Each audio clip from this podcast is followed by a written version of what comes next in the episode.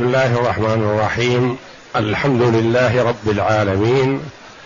والصلاة والسلام على نبينا محمد وعلى آله وصحبه أجمعين. وبعد. بسم الله. أعوذ بالله من الشيطان الرجيم. بسم الله الرحمن الرحيم. يا أيها الذين آمنوا أنفقوا من طيبات ما كسبتم ومما أخرجنا لكم من الأرض. ولا تيمموا الخبيث منه تنفقون ولستم بآخذيه إلا أن تغمضوا فيه. واعلموا أن الله غني حميد. حسبك. هذه الآية الكريمة من سورة البقرة جاءت بعد قوله جل وعلا أيود أحدكم أن تكون له جنة من نخيل وأعناب تجري من تحتها الأنهار له فيها من كل الثمرات وأصابه الكبر وله ذرية ضعفاء. الآية. هذه الآية الكريمة التي معنا خطاب من الله جل وعلا لعباده المؤمنين بالإنفاق من الطيب. بعد أن حذر في الآية التي قبلها مما يتصف به المنفق من الرياء والسمعة. وحث في الآية التي قبلها على الإخلاص في النفقة في ابتغاء وجه الله. اولا مثل جل وعلا المنفقين في سبيل الله وابتغاء مرضاته في قوله تعالى ومثل الذين ينفقون أموالهم ابتغاء مرضات الله وتثبيتا من أنفسهم كمثل جنة بربوة أصابها وابل فآتت أكلها ضعفين. الآية. ثم بين حال المنفق رياء وسمعة. في قوله أيود أحدكم أن تكون له جنة من نخيل وأعناب الآية. ثم بين في هذه الآية نوع النفقة. وماذا ينبغي أن تكون؟ فقال تعالى يا أيها الذين آمنوا أنفقوا من طيبات ما كسبتم ومما أخرجنا لكم من الأرض. يا أيها الذين آمنوا خطاب من الله جل وعلا لكل مؤمن ومؤمنة. وحري بالعاقل إذا جاءه الخطاب من الله جل وعلا أن يصغي له وأن ينتبه وأن يرعى سمعه كما قال عبد الله بن مسعود رضي الله عنه إذا سمعت الله يقول يا أيها الذين آمنوا فأرعها سمعك فإنه إما خير تؤمر به أو شر تنهى عنه. والعاقل إذا جاءه خطاب من كبير أو عزيز أو شريف أن ينتبه لهذا الخطاب ويتدبره ويقرأه مرة تلو أخرى حتى يتفهم ما فيه. فحري بالمؤمن عند خطاب الله جل وعلا أن يهتم له. وأن يحرص على تنفيذ ما جاء من أمره تعالى أو الانتهاء عن نهيه تبارك وتعالى. يا أيها الذين آمنوا أنفقوا من طيبات ما كسبتم أنفقوا ابذلوا وأعطوا.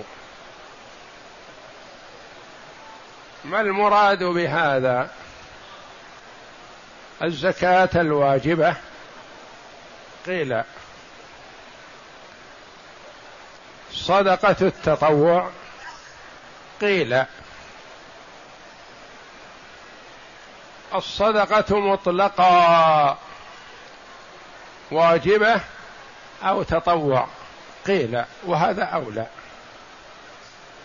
أن الإنسان إذا أعطى سواء كان زكاة أو صدقة تطوع أن يحرص على أن يعطي من المال الطيب.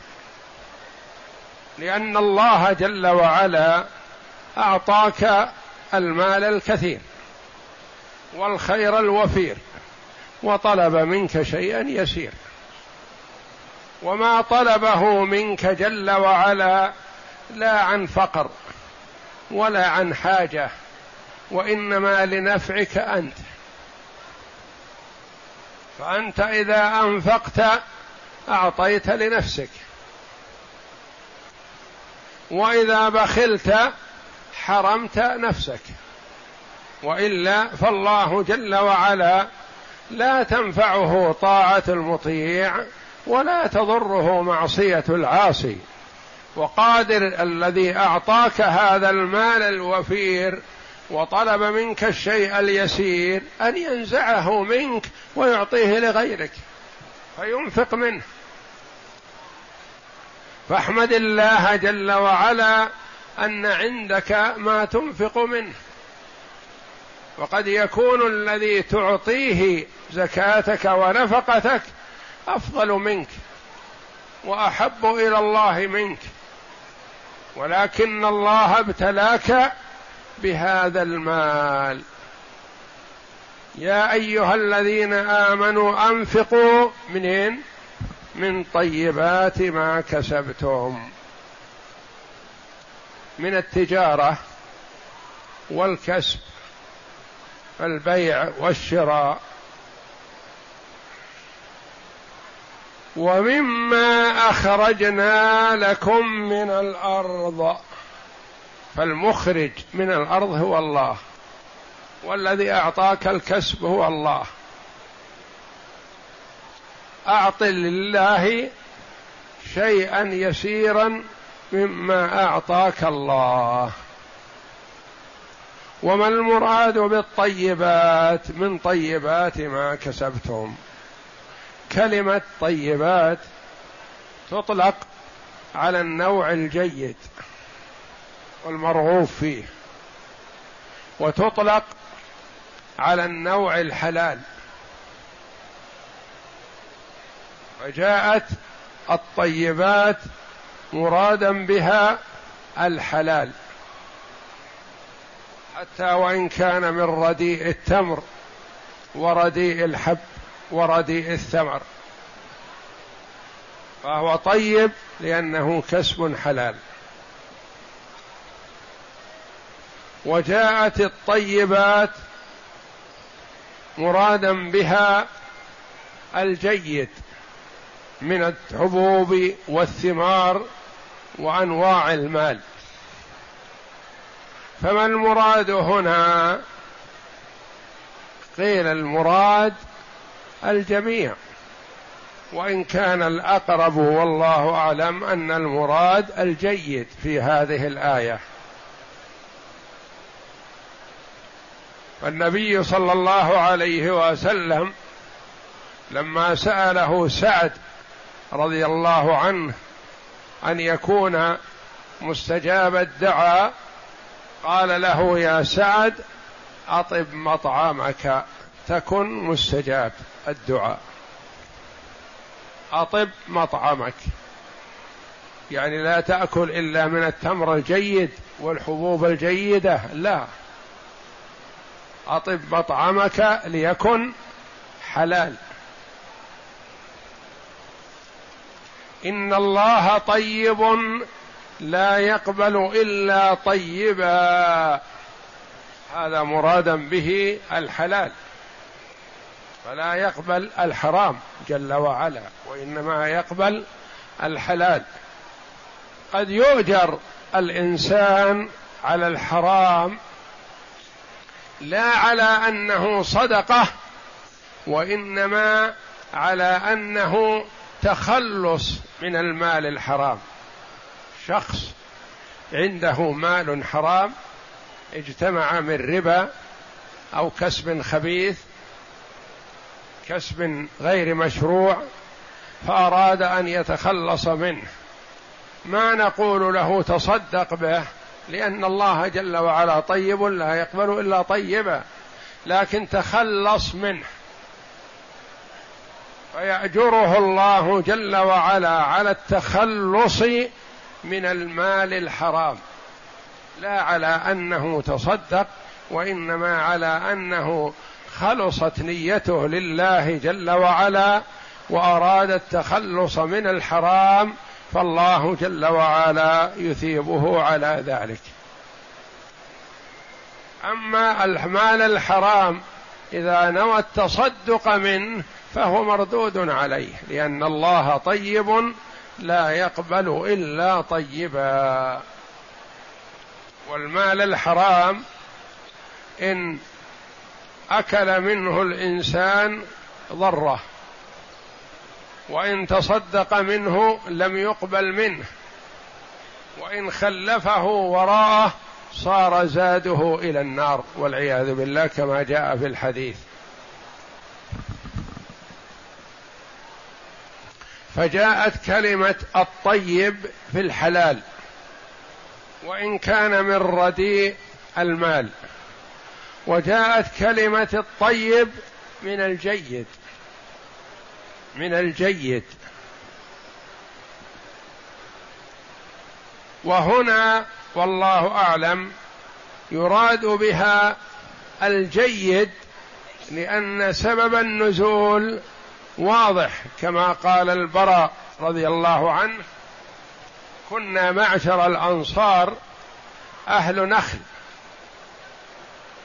وكان أهل الصفة لا طعام لهم ولا قوت لهم. أهل الصفة مجموعة من المهاجرين من مكة ومن غيرها جاءوا إلى النبي صلى الله عليه وسلم ليتفقهوا وليتعلموا وليجاهدوا مع رسول الله صلى الله عليه وسلم ولا أهل لهم ولا مال.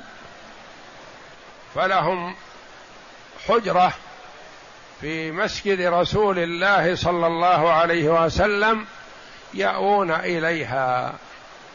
يسمون أهل الصفة رضي الله عنهم. يقول فكان الواحد منا يأتي بالعذق والعذقين فيعلقهما على حبل. فإذا جاء الفقير ضرب العذق بعصاه فسقط من تمره وبسره فأكل منه. وكان منا من لا يرغب في الخير فيأتي بالشيس والحشف والعذق المكسور فيعلقه. فأنزل الله جل وعلا يا أيها الذين آمنوا أنفقوا من طيبات ما كسبتم ولا تيمموا الخبيث منه تنفقون. فالخبيث هنا الردي. والخبيث يطلق على المال الحرام ويطلق على المال الردي ويطلق على المال المستكره المكروه كالكراث والبصل والثوم. هذه الأشياء التي لها رائحة كريهة يجوز أن يطلق عليها خبيثة وإن كانت مباحة وحلال وتؤكل. فأنزل الله جل وعلا يا أيها الذين آمنوا أنفقوا من طيبات ما كسبتم ومما أخرجنا لكم من الأرض. مما كسبتم يعني من أنواع التجارة. ومما أخرجنا لكم من الأرض من الثمار والحبوب وغيرها.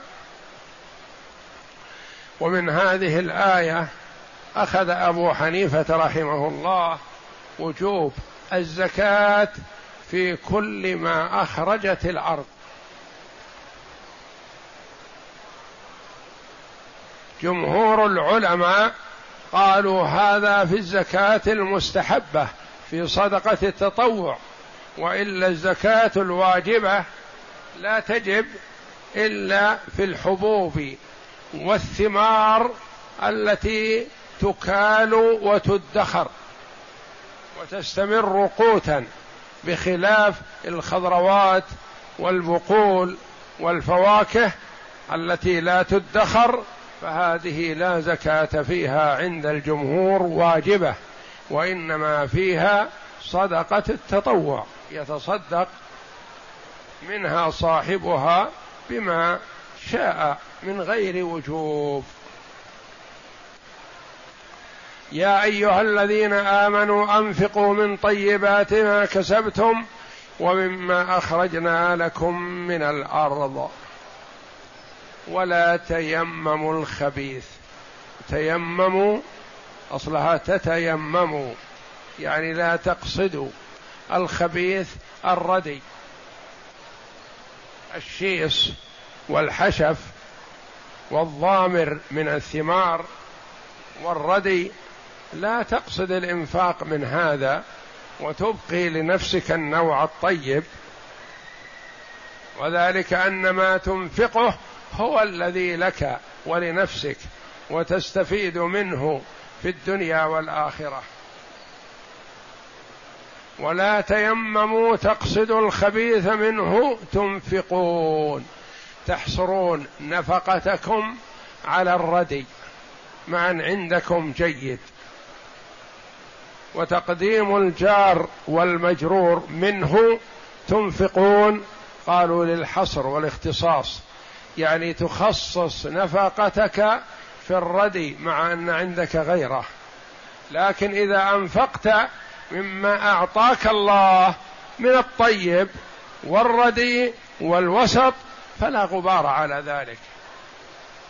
ولا تيمموا الخبيث منه وحده. منه تنفقون. تقديم الجار والمجرور منه يفيد الحصر. يعني لا تحصر نفقتك في الردي. منه تنفقون. ولستم باخذي لو أن لك حق على شخص وأعطاك منه وفاء ما قبلته. يقول لا. لا يا أخي أنا حصل بيني وبينك مكاتبة على أنك تعطيني من الطيب على أنك تعطيني من سائر من الوسط من سائر الثمار ما تتخير الردي وتعطيني منه. ولستم باخذيه يعني ما تقبلونه. إلا أن تغمضوا فيه. تغمضوا إلا أن تغمض عينيك وتتجاوز وتجعل الشيء في نفسك وتقبله. إذا أتاك بسداد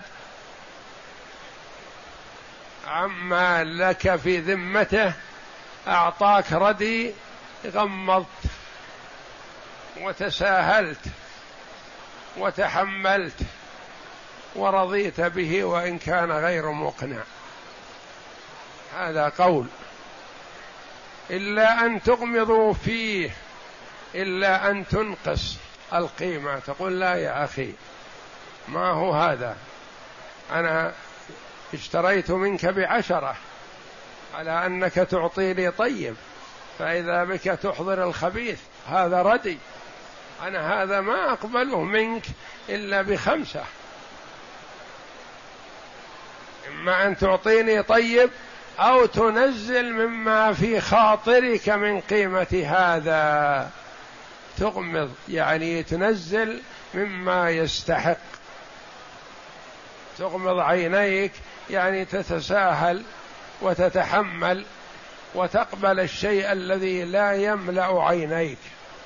وإما بمعنى أن تطلب منه التخفيض وتنزيل القيمة لأنك دفعت قيمة جيد وأحضر لك ردي فتقول ما أقبل هذا وإلا بنازل.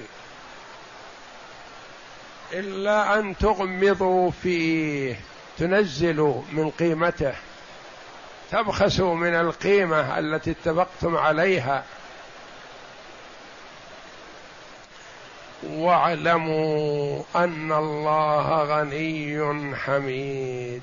ختم الآية بهذين الوصفين الجليلين لله جل وعلا. مناسب. واعلم أيها المنفق أيها المعطي أن الله غني. ما هو في حاجة إلى نفقتك ولا إلى عطاك. وإنما الله جل وعلا تكرم عليك بهذا لنفعك لتنتفع أنت وإلا فالله غني. الله غني قادر على أن يسلب ما أعطاك قادر على أن ينقله منك إلى غيرك قادر على أن يستغني عن نفقتك كلها ويأمر غيرك بالإنفاق لينتفع. فهو ليس في حاجة إليك فهو غني. غني واجد جل وعلا. ليس في حاجة إلى أحد فهو غني عن خلقه والخلق كلهم مفتقرون إليه. غني حميد يستحق الحمد. فهو ما طلب منك الإنفاق لحاجته وإنما طلب منك الإنفاق لنفسك فاحمده على ذلك. فهو يحمد جل وعلا على سائر أفعاله. غني حميد محمود غني حميد يحمد جل وعلا المنفق في طاعته والمتخير للمال الحلال الطيب الحسن لأنه حينما يعطي المال الجيد يعطيه لنفسه ما ما يعطيه لغيره. وحينما يبقي المال خلف ظهره يبقيه لوارثه. واعلموا أيها الخلق واعلموا أيها العباد أن الله غني حميد غني عنكم وعن نفقاتكم وإنما أمركم بذلك لمصلحتكم وهيأ لكم ذلك. فعلى المسلم أن يحمد الله جل وعلا أن جعله معطي وليس اخذ أن يحمد الله جل وعلا أن أوجد له من يقبل صدقته لأنه قد يأتي زمان يخرج المرء بصدقته ما يجد من يقبلها. يكون الناس كلهم في غنى ولا يريدون المال. فيحمد الله جل وعلا على أن أوجد من يقبل الصدقة والنفقة من أوجد الأرض الخصبة للزراعة. تزرع عند ربك يعني تبذل من مالك لشيء بشيء ينفعك مستقبلا. اقرأ. يأمر الله تعالى عباده المؤمنين بالإنفاق والمراد به الصدقة ها هنا من طيبات ما رزقهم من الأموال التي اكتسبوها يعني التجارة بتيسيره إياهم. وقال علي والسدي من طيبات ما كسبتم يعني الذهب والفضة ومن الثمار والزروع التي أنبتها لهم من الأرض. قال ابن عباس رضي الله عنهما أمرهم بالإنفاق من أطيب المال وأجوده وأنفسه ونهاهم عن التصدق برذائله برذائل المال ودنيئه وهو الخبيث. فإن الله طيب لا يقبل إلا طيبا. ولهذا قال تعالى ولا تيمموا الخبيث أي لا تقصدوا الخبيث منه تنفقون ولستم بآخذيه أي لو أعطيتموه ما أخذتموه لو أعطيتموه. أي لو أعطيتموه ما, ما أخذتموه إلا أن تتغاضوا فيه فالله أغنى منكم فلا تجعلوا لله ما تكرهون. وقيل معناه لا تعدلوا عن المال الحلال وتقصدوا إلى الحرام فتجعلوا نفقتكم منه. وعن عبد الله بن مسعود رضي الله عنه قال قال رسول الله صلى الله عليه وسلم إن الله قسم بينكم أخلاقكم كما قسم بينكم أرزاقكم وإن الله يعطي الدنيا من يحب ومن لا يحب ولا يعطي الدين إلا لمن أحب. فمن أعطاه الله الدين فقد أحبه والذي نفسي بيده لا يسلم عبد حتى يسلم قلبه ولسانه ولا يؤمن حتى يأمن جاره من بوائقه.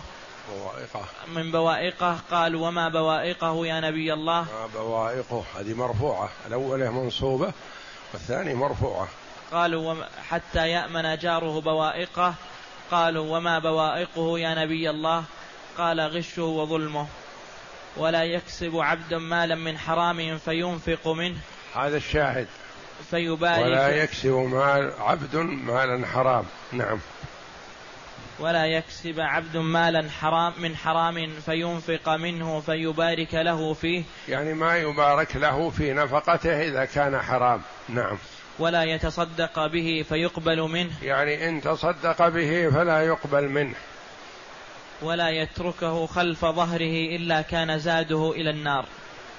وإن خلفه خلف ظهره كان زاده إلى النار والعياذ بالله. وكذا من خلفه لا ينتفع به يكون يضره لأنه مال خبيث. وبعض الناس مثلا يعزل المال المشتبه فيه يقول هذا خلوا على جنب نخرجه نتصدق به ونسدد منه. الالتزامات والأشياء التي علينا والأجور وكذا وكذا إلى آخره. يظن أنه ما أكل المال الخبيث وهو هذا هو أكله يعني انتفاعه بالمال الخبيث وتسديد ما عليه هذا أكل.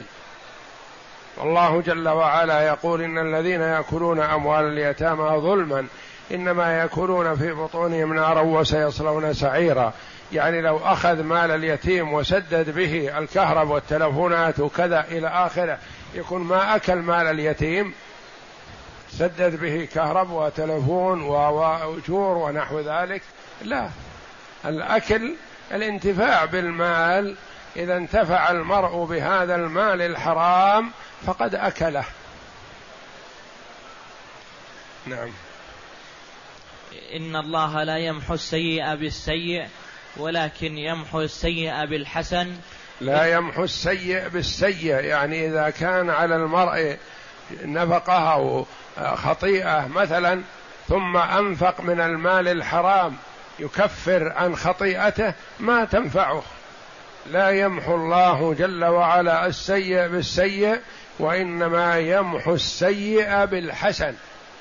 يعني إذا أساء الإنسان ففعل الحسنة بعدها فالحسنة بإذن الله تمحو السيئة كما قال عليه الصلاة والسلام وأتبع السيئة الحسنة تمحها فالحسنة تمحو السيئة والسيئة لا تمحو السيئة وإنما تزيدها سوءا.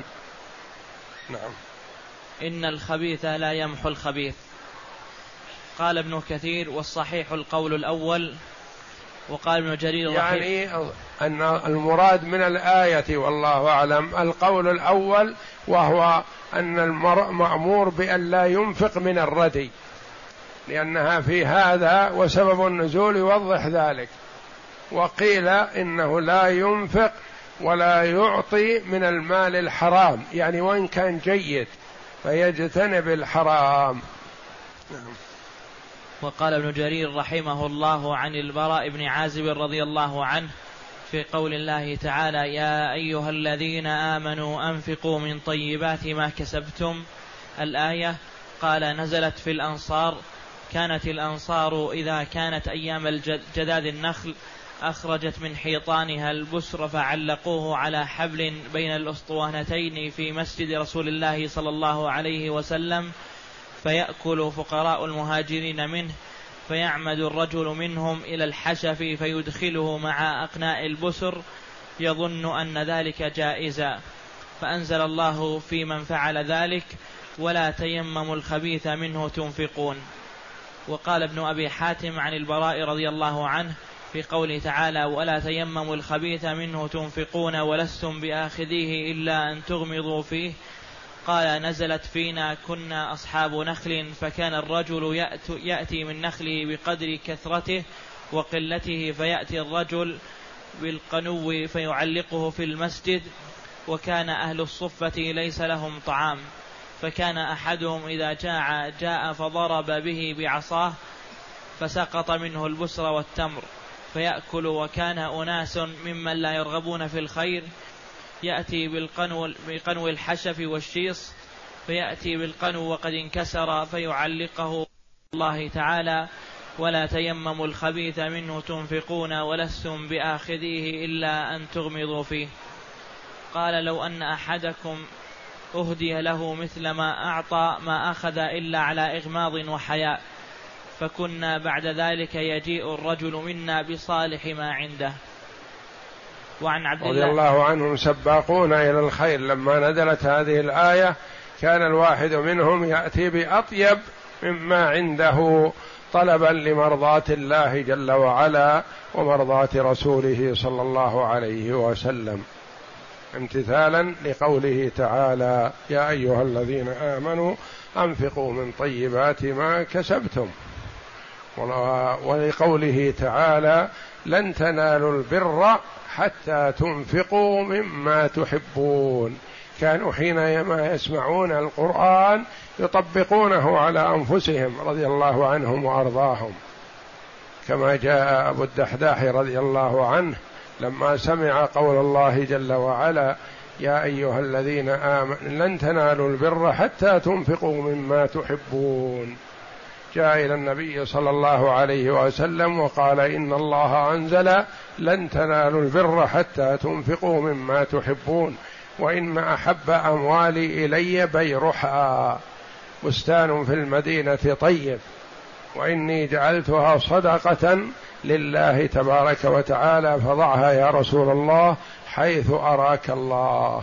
فقال النبي صلى الله عليه وسلم بخ بخ ذاك مال رابح.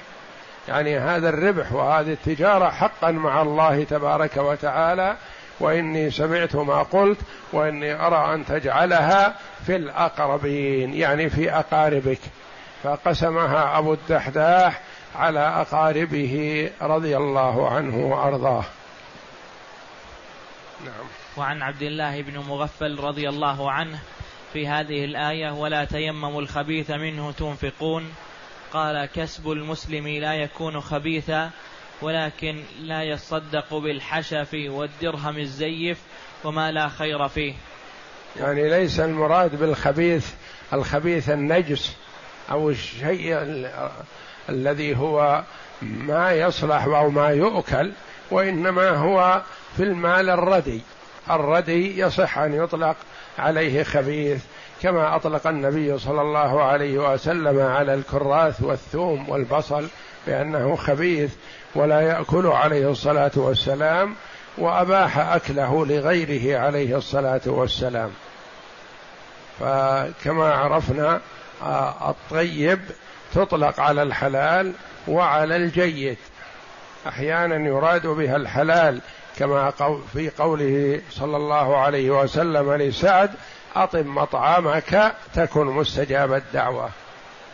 وتطلق على الجيد في وكذلك تطلق على الحلال في مثل قوله تعالى أنفقوا من طيبات ما إن, إن الله أمر المؤمنين بما أمر به المرسلين. فقال تعالى يا أيها الذين آمنوا كلوا من طيبات ما رزقناكم والمراد بها الحلال والله أعلم.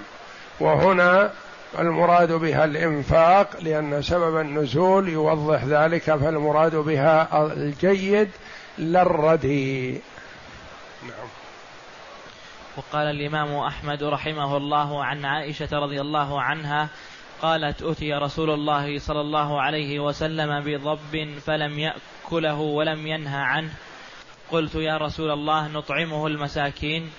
قال لا تطعموهم مما لا تأكلون. يعني المال الردي اللي ما تأكله أنت لا ينبغي ولا يليق بك أن تعطيه للمساكين.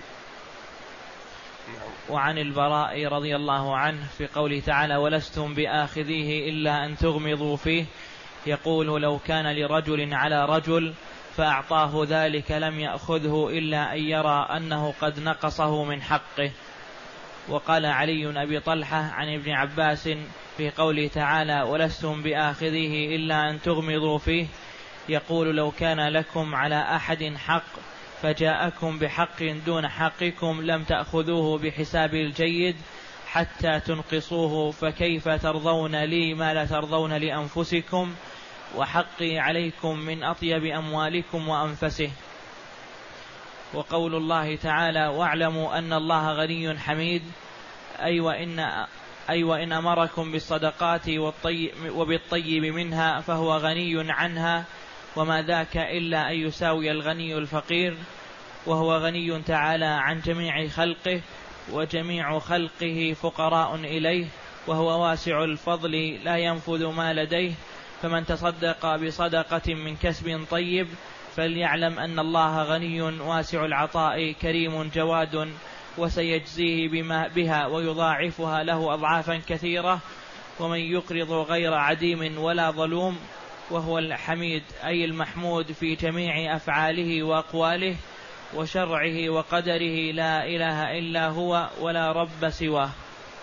والله أعلم وصلى الله وسلم وبارك على عبده ورسول نبينا محمد وعلى آله وصحبه أجمعين.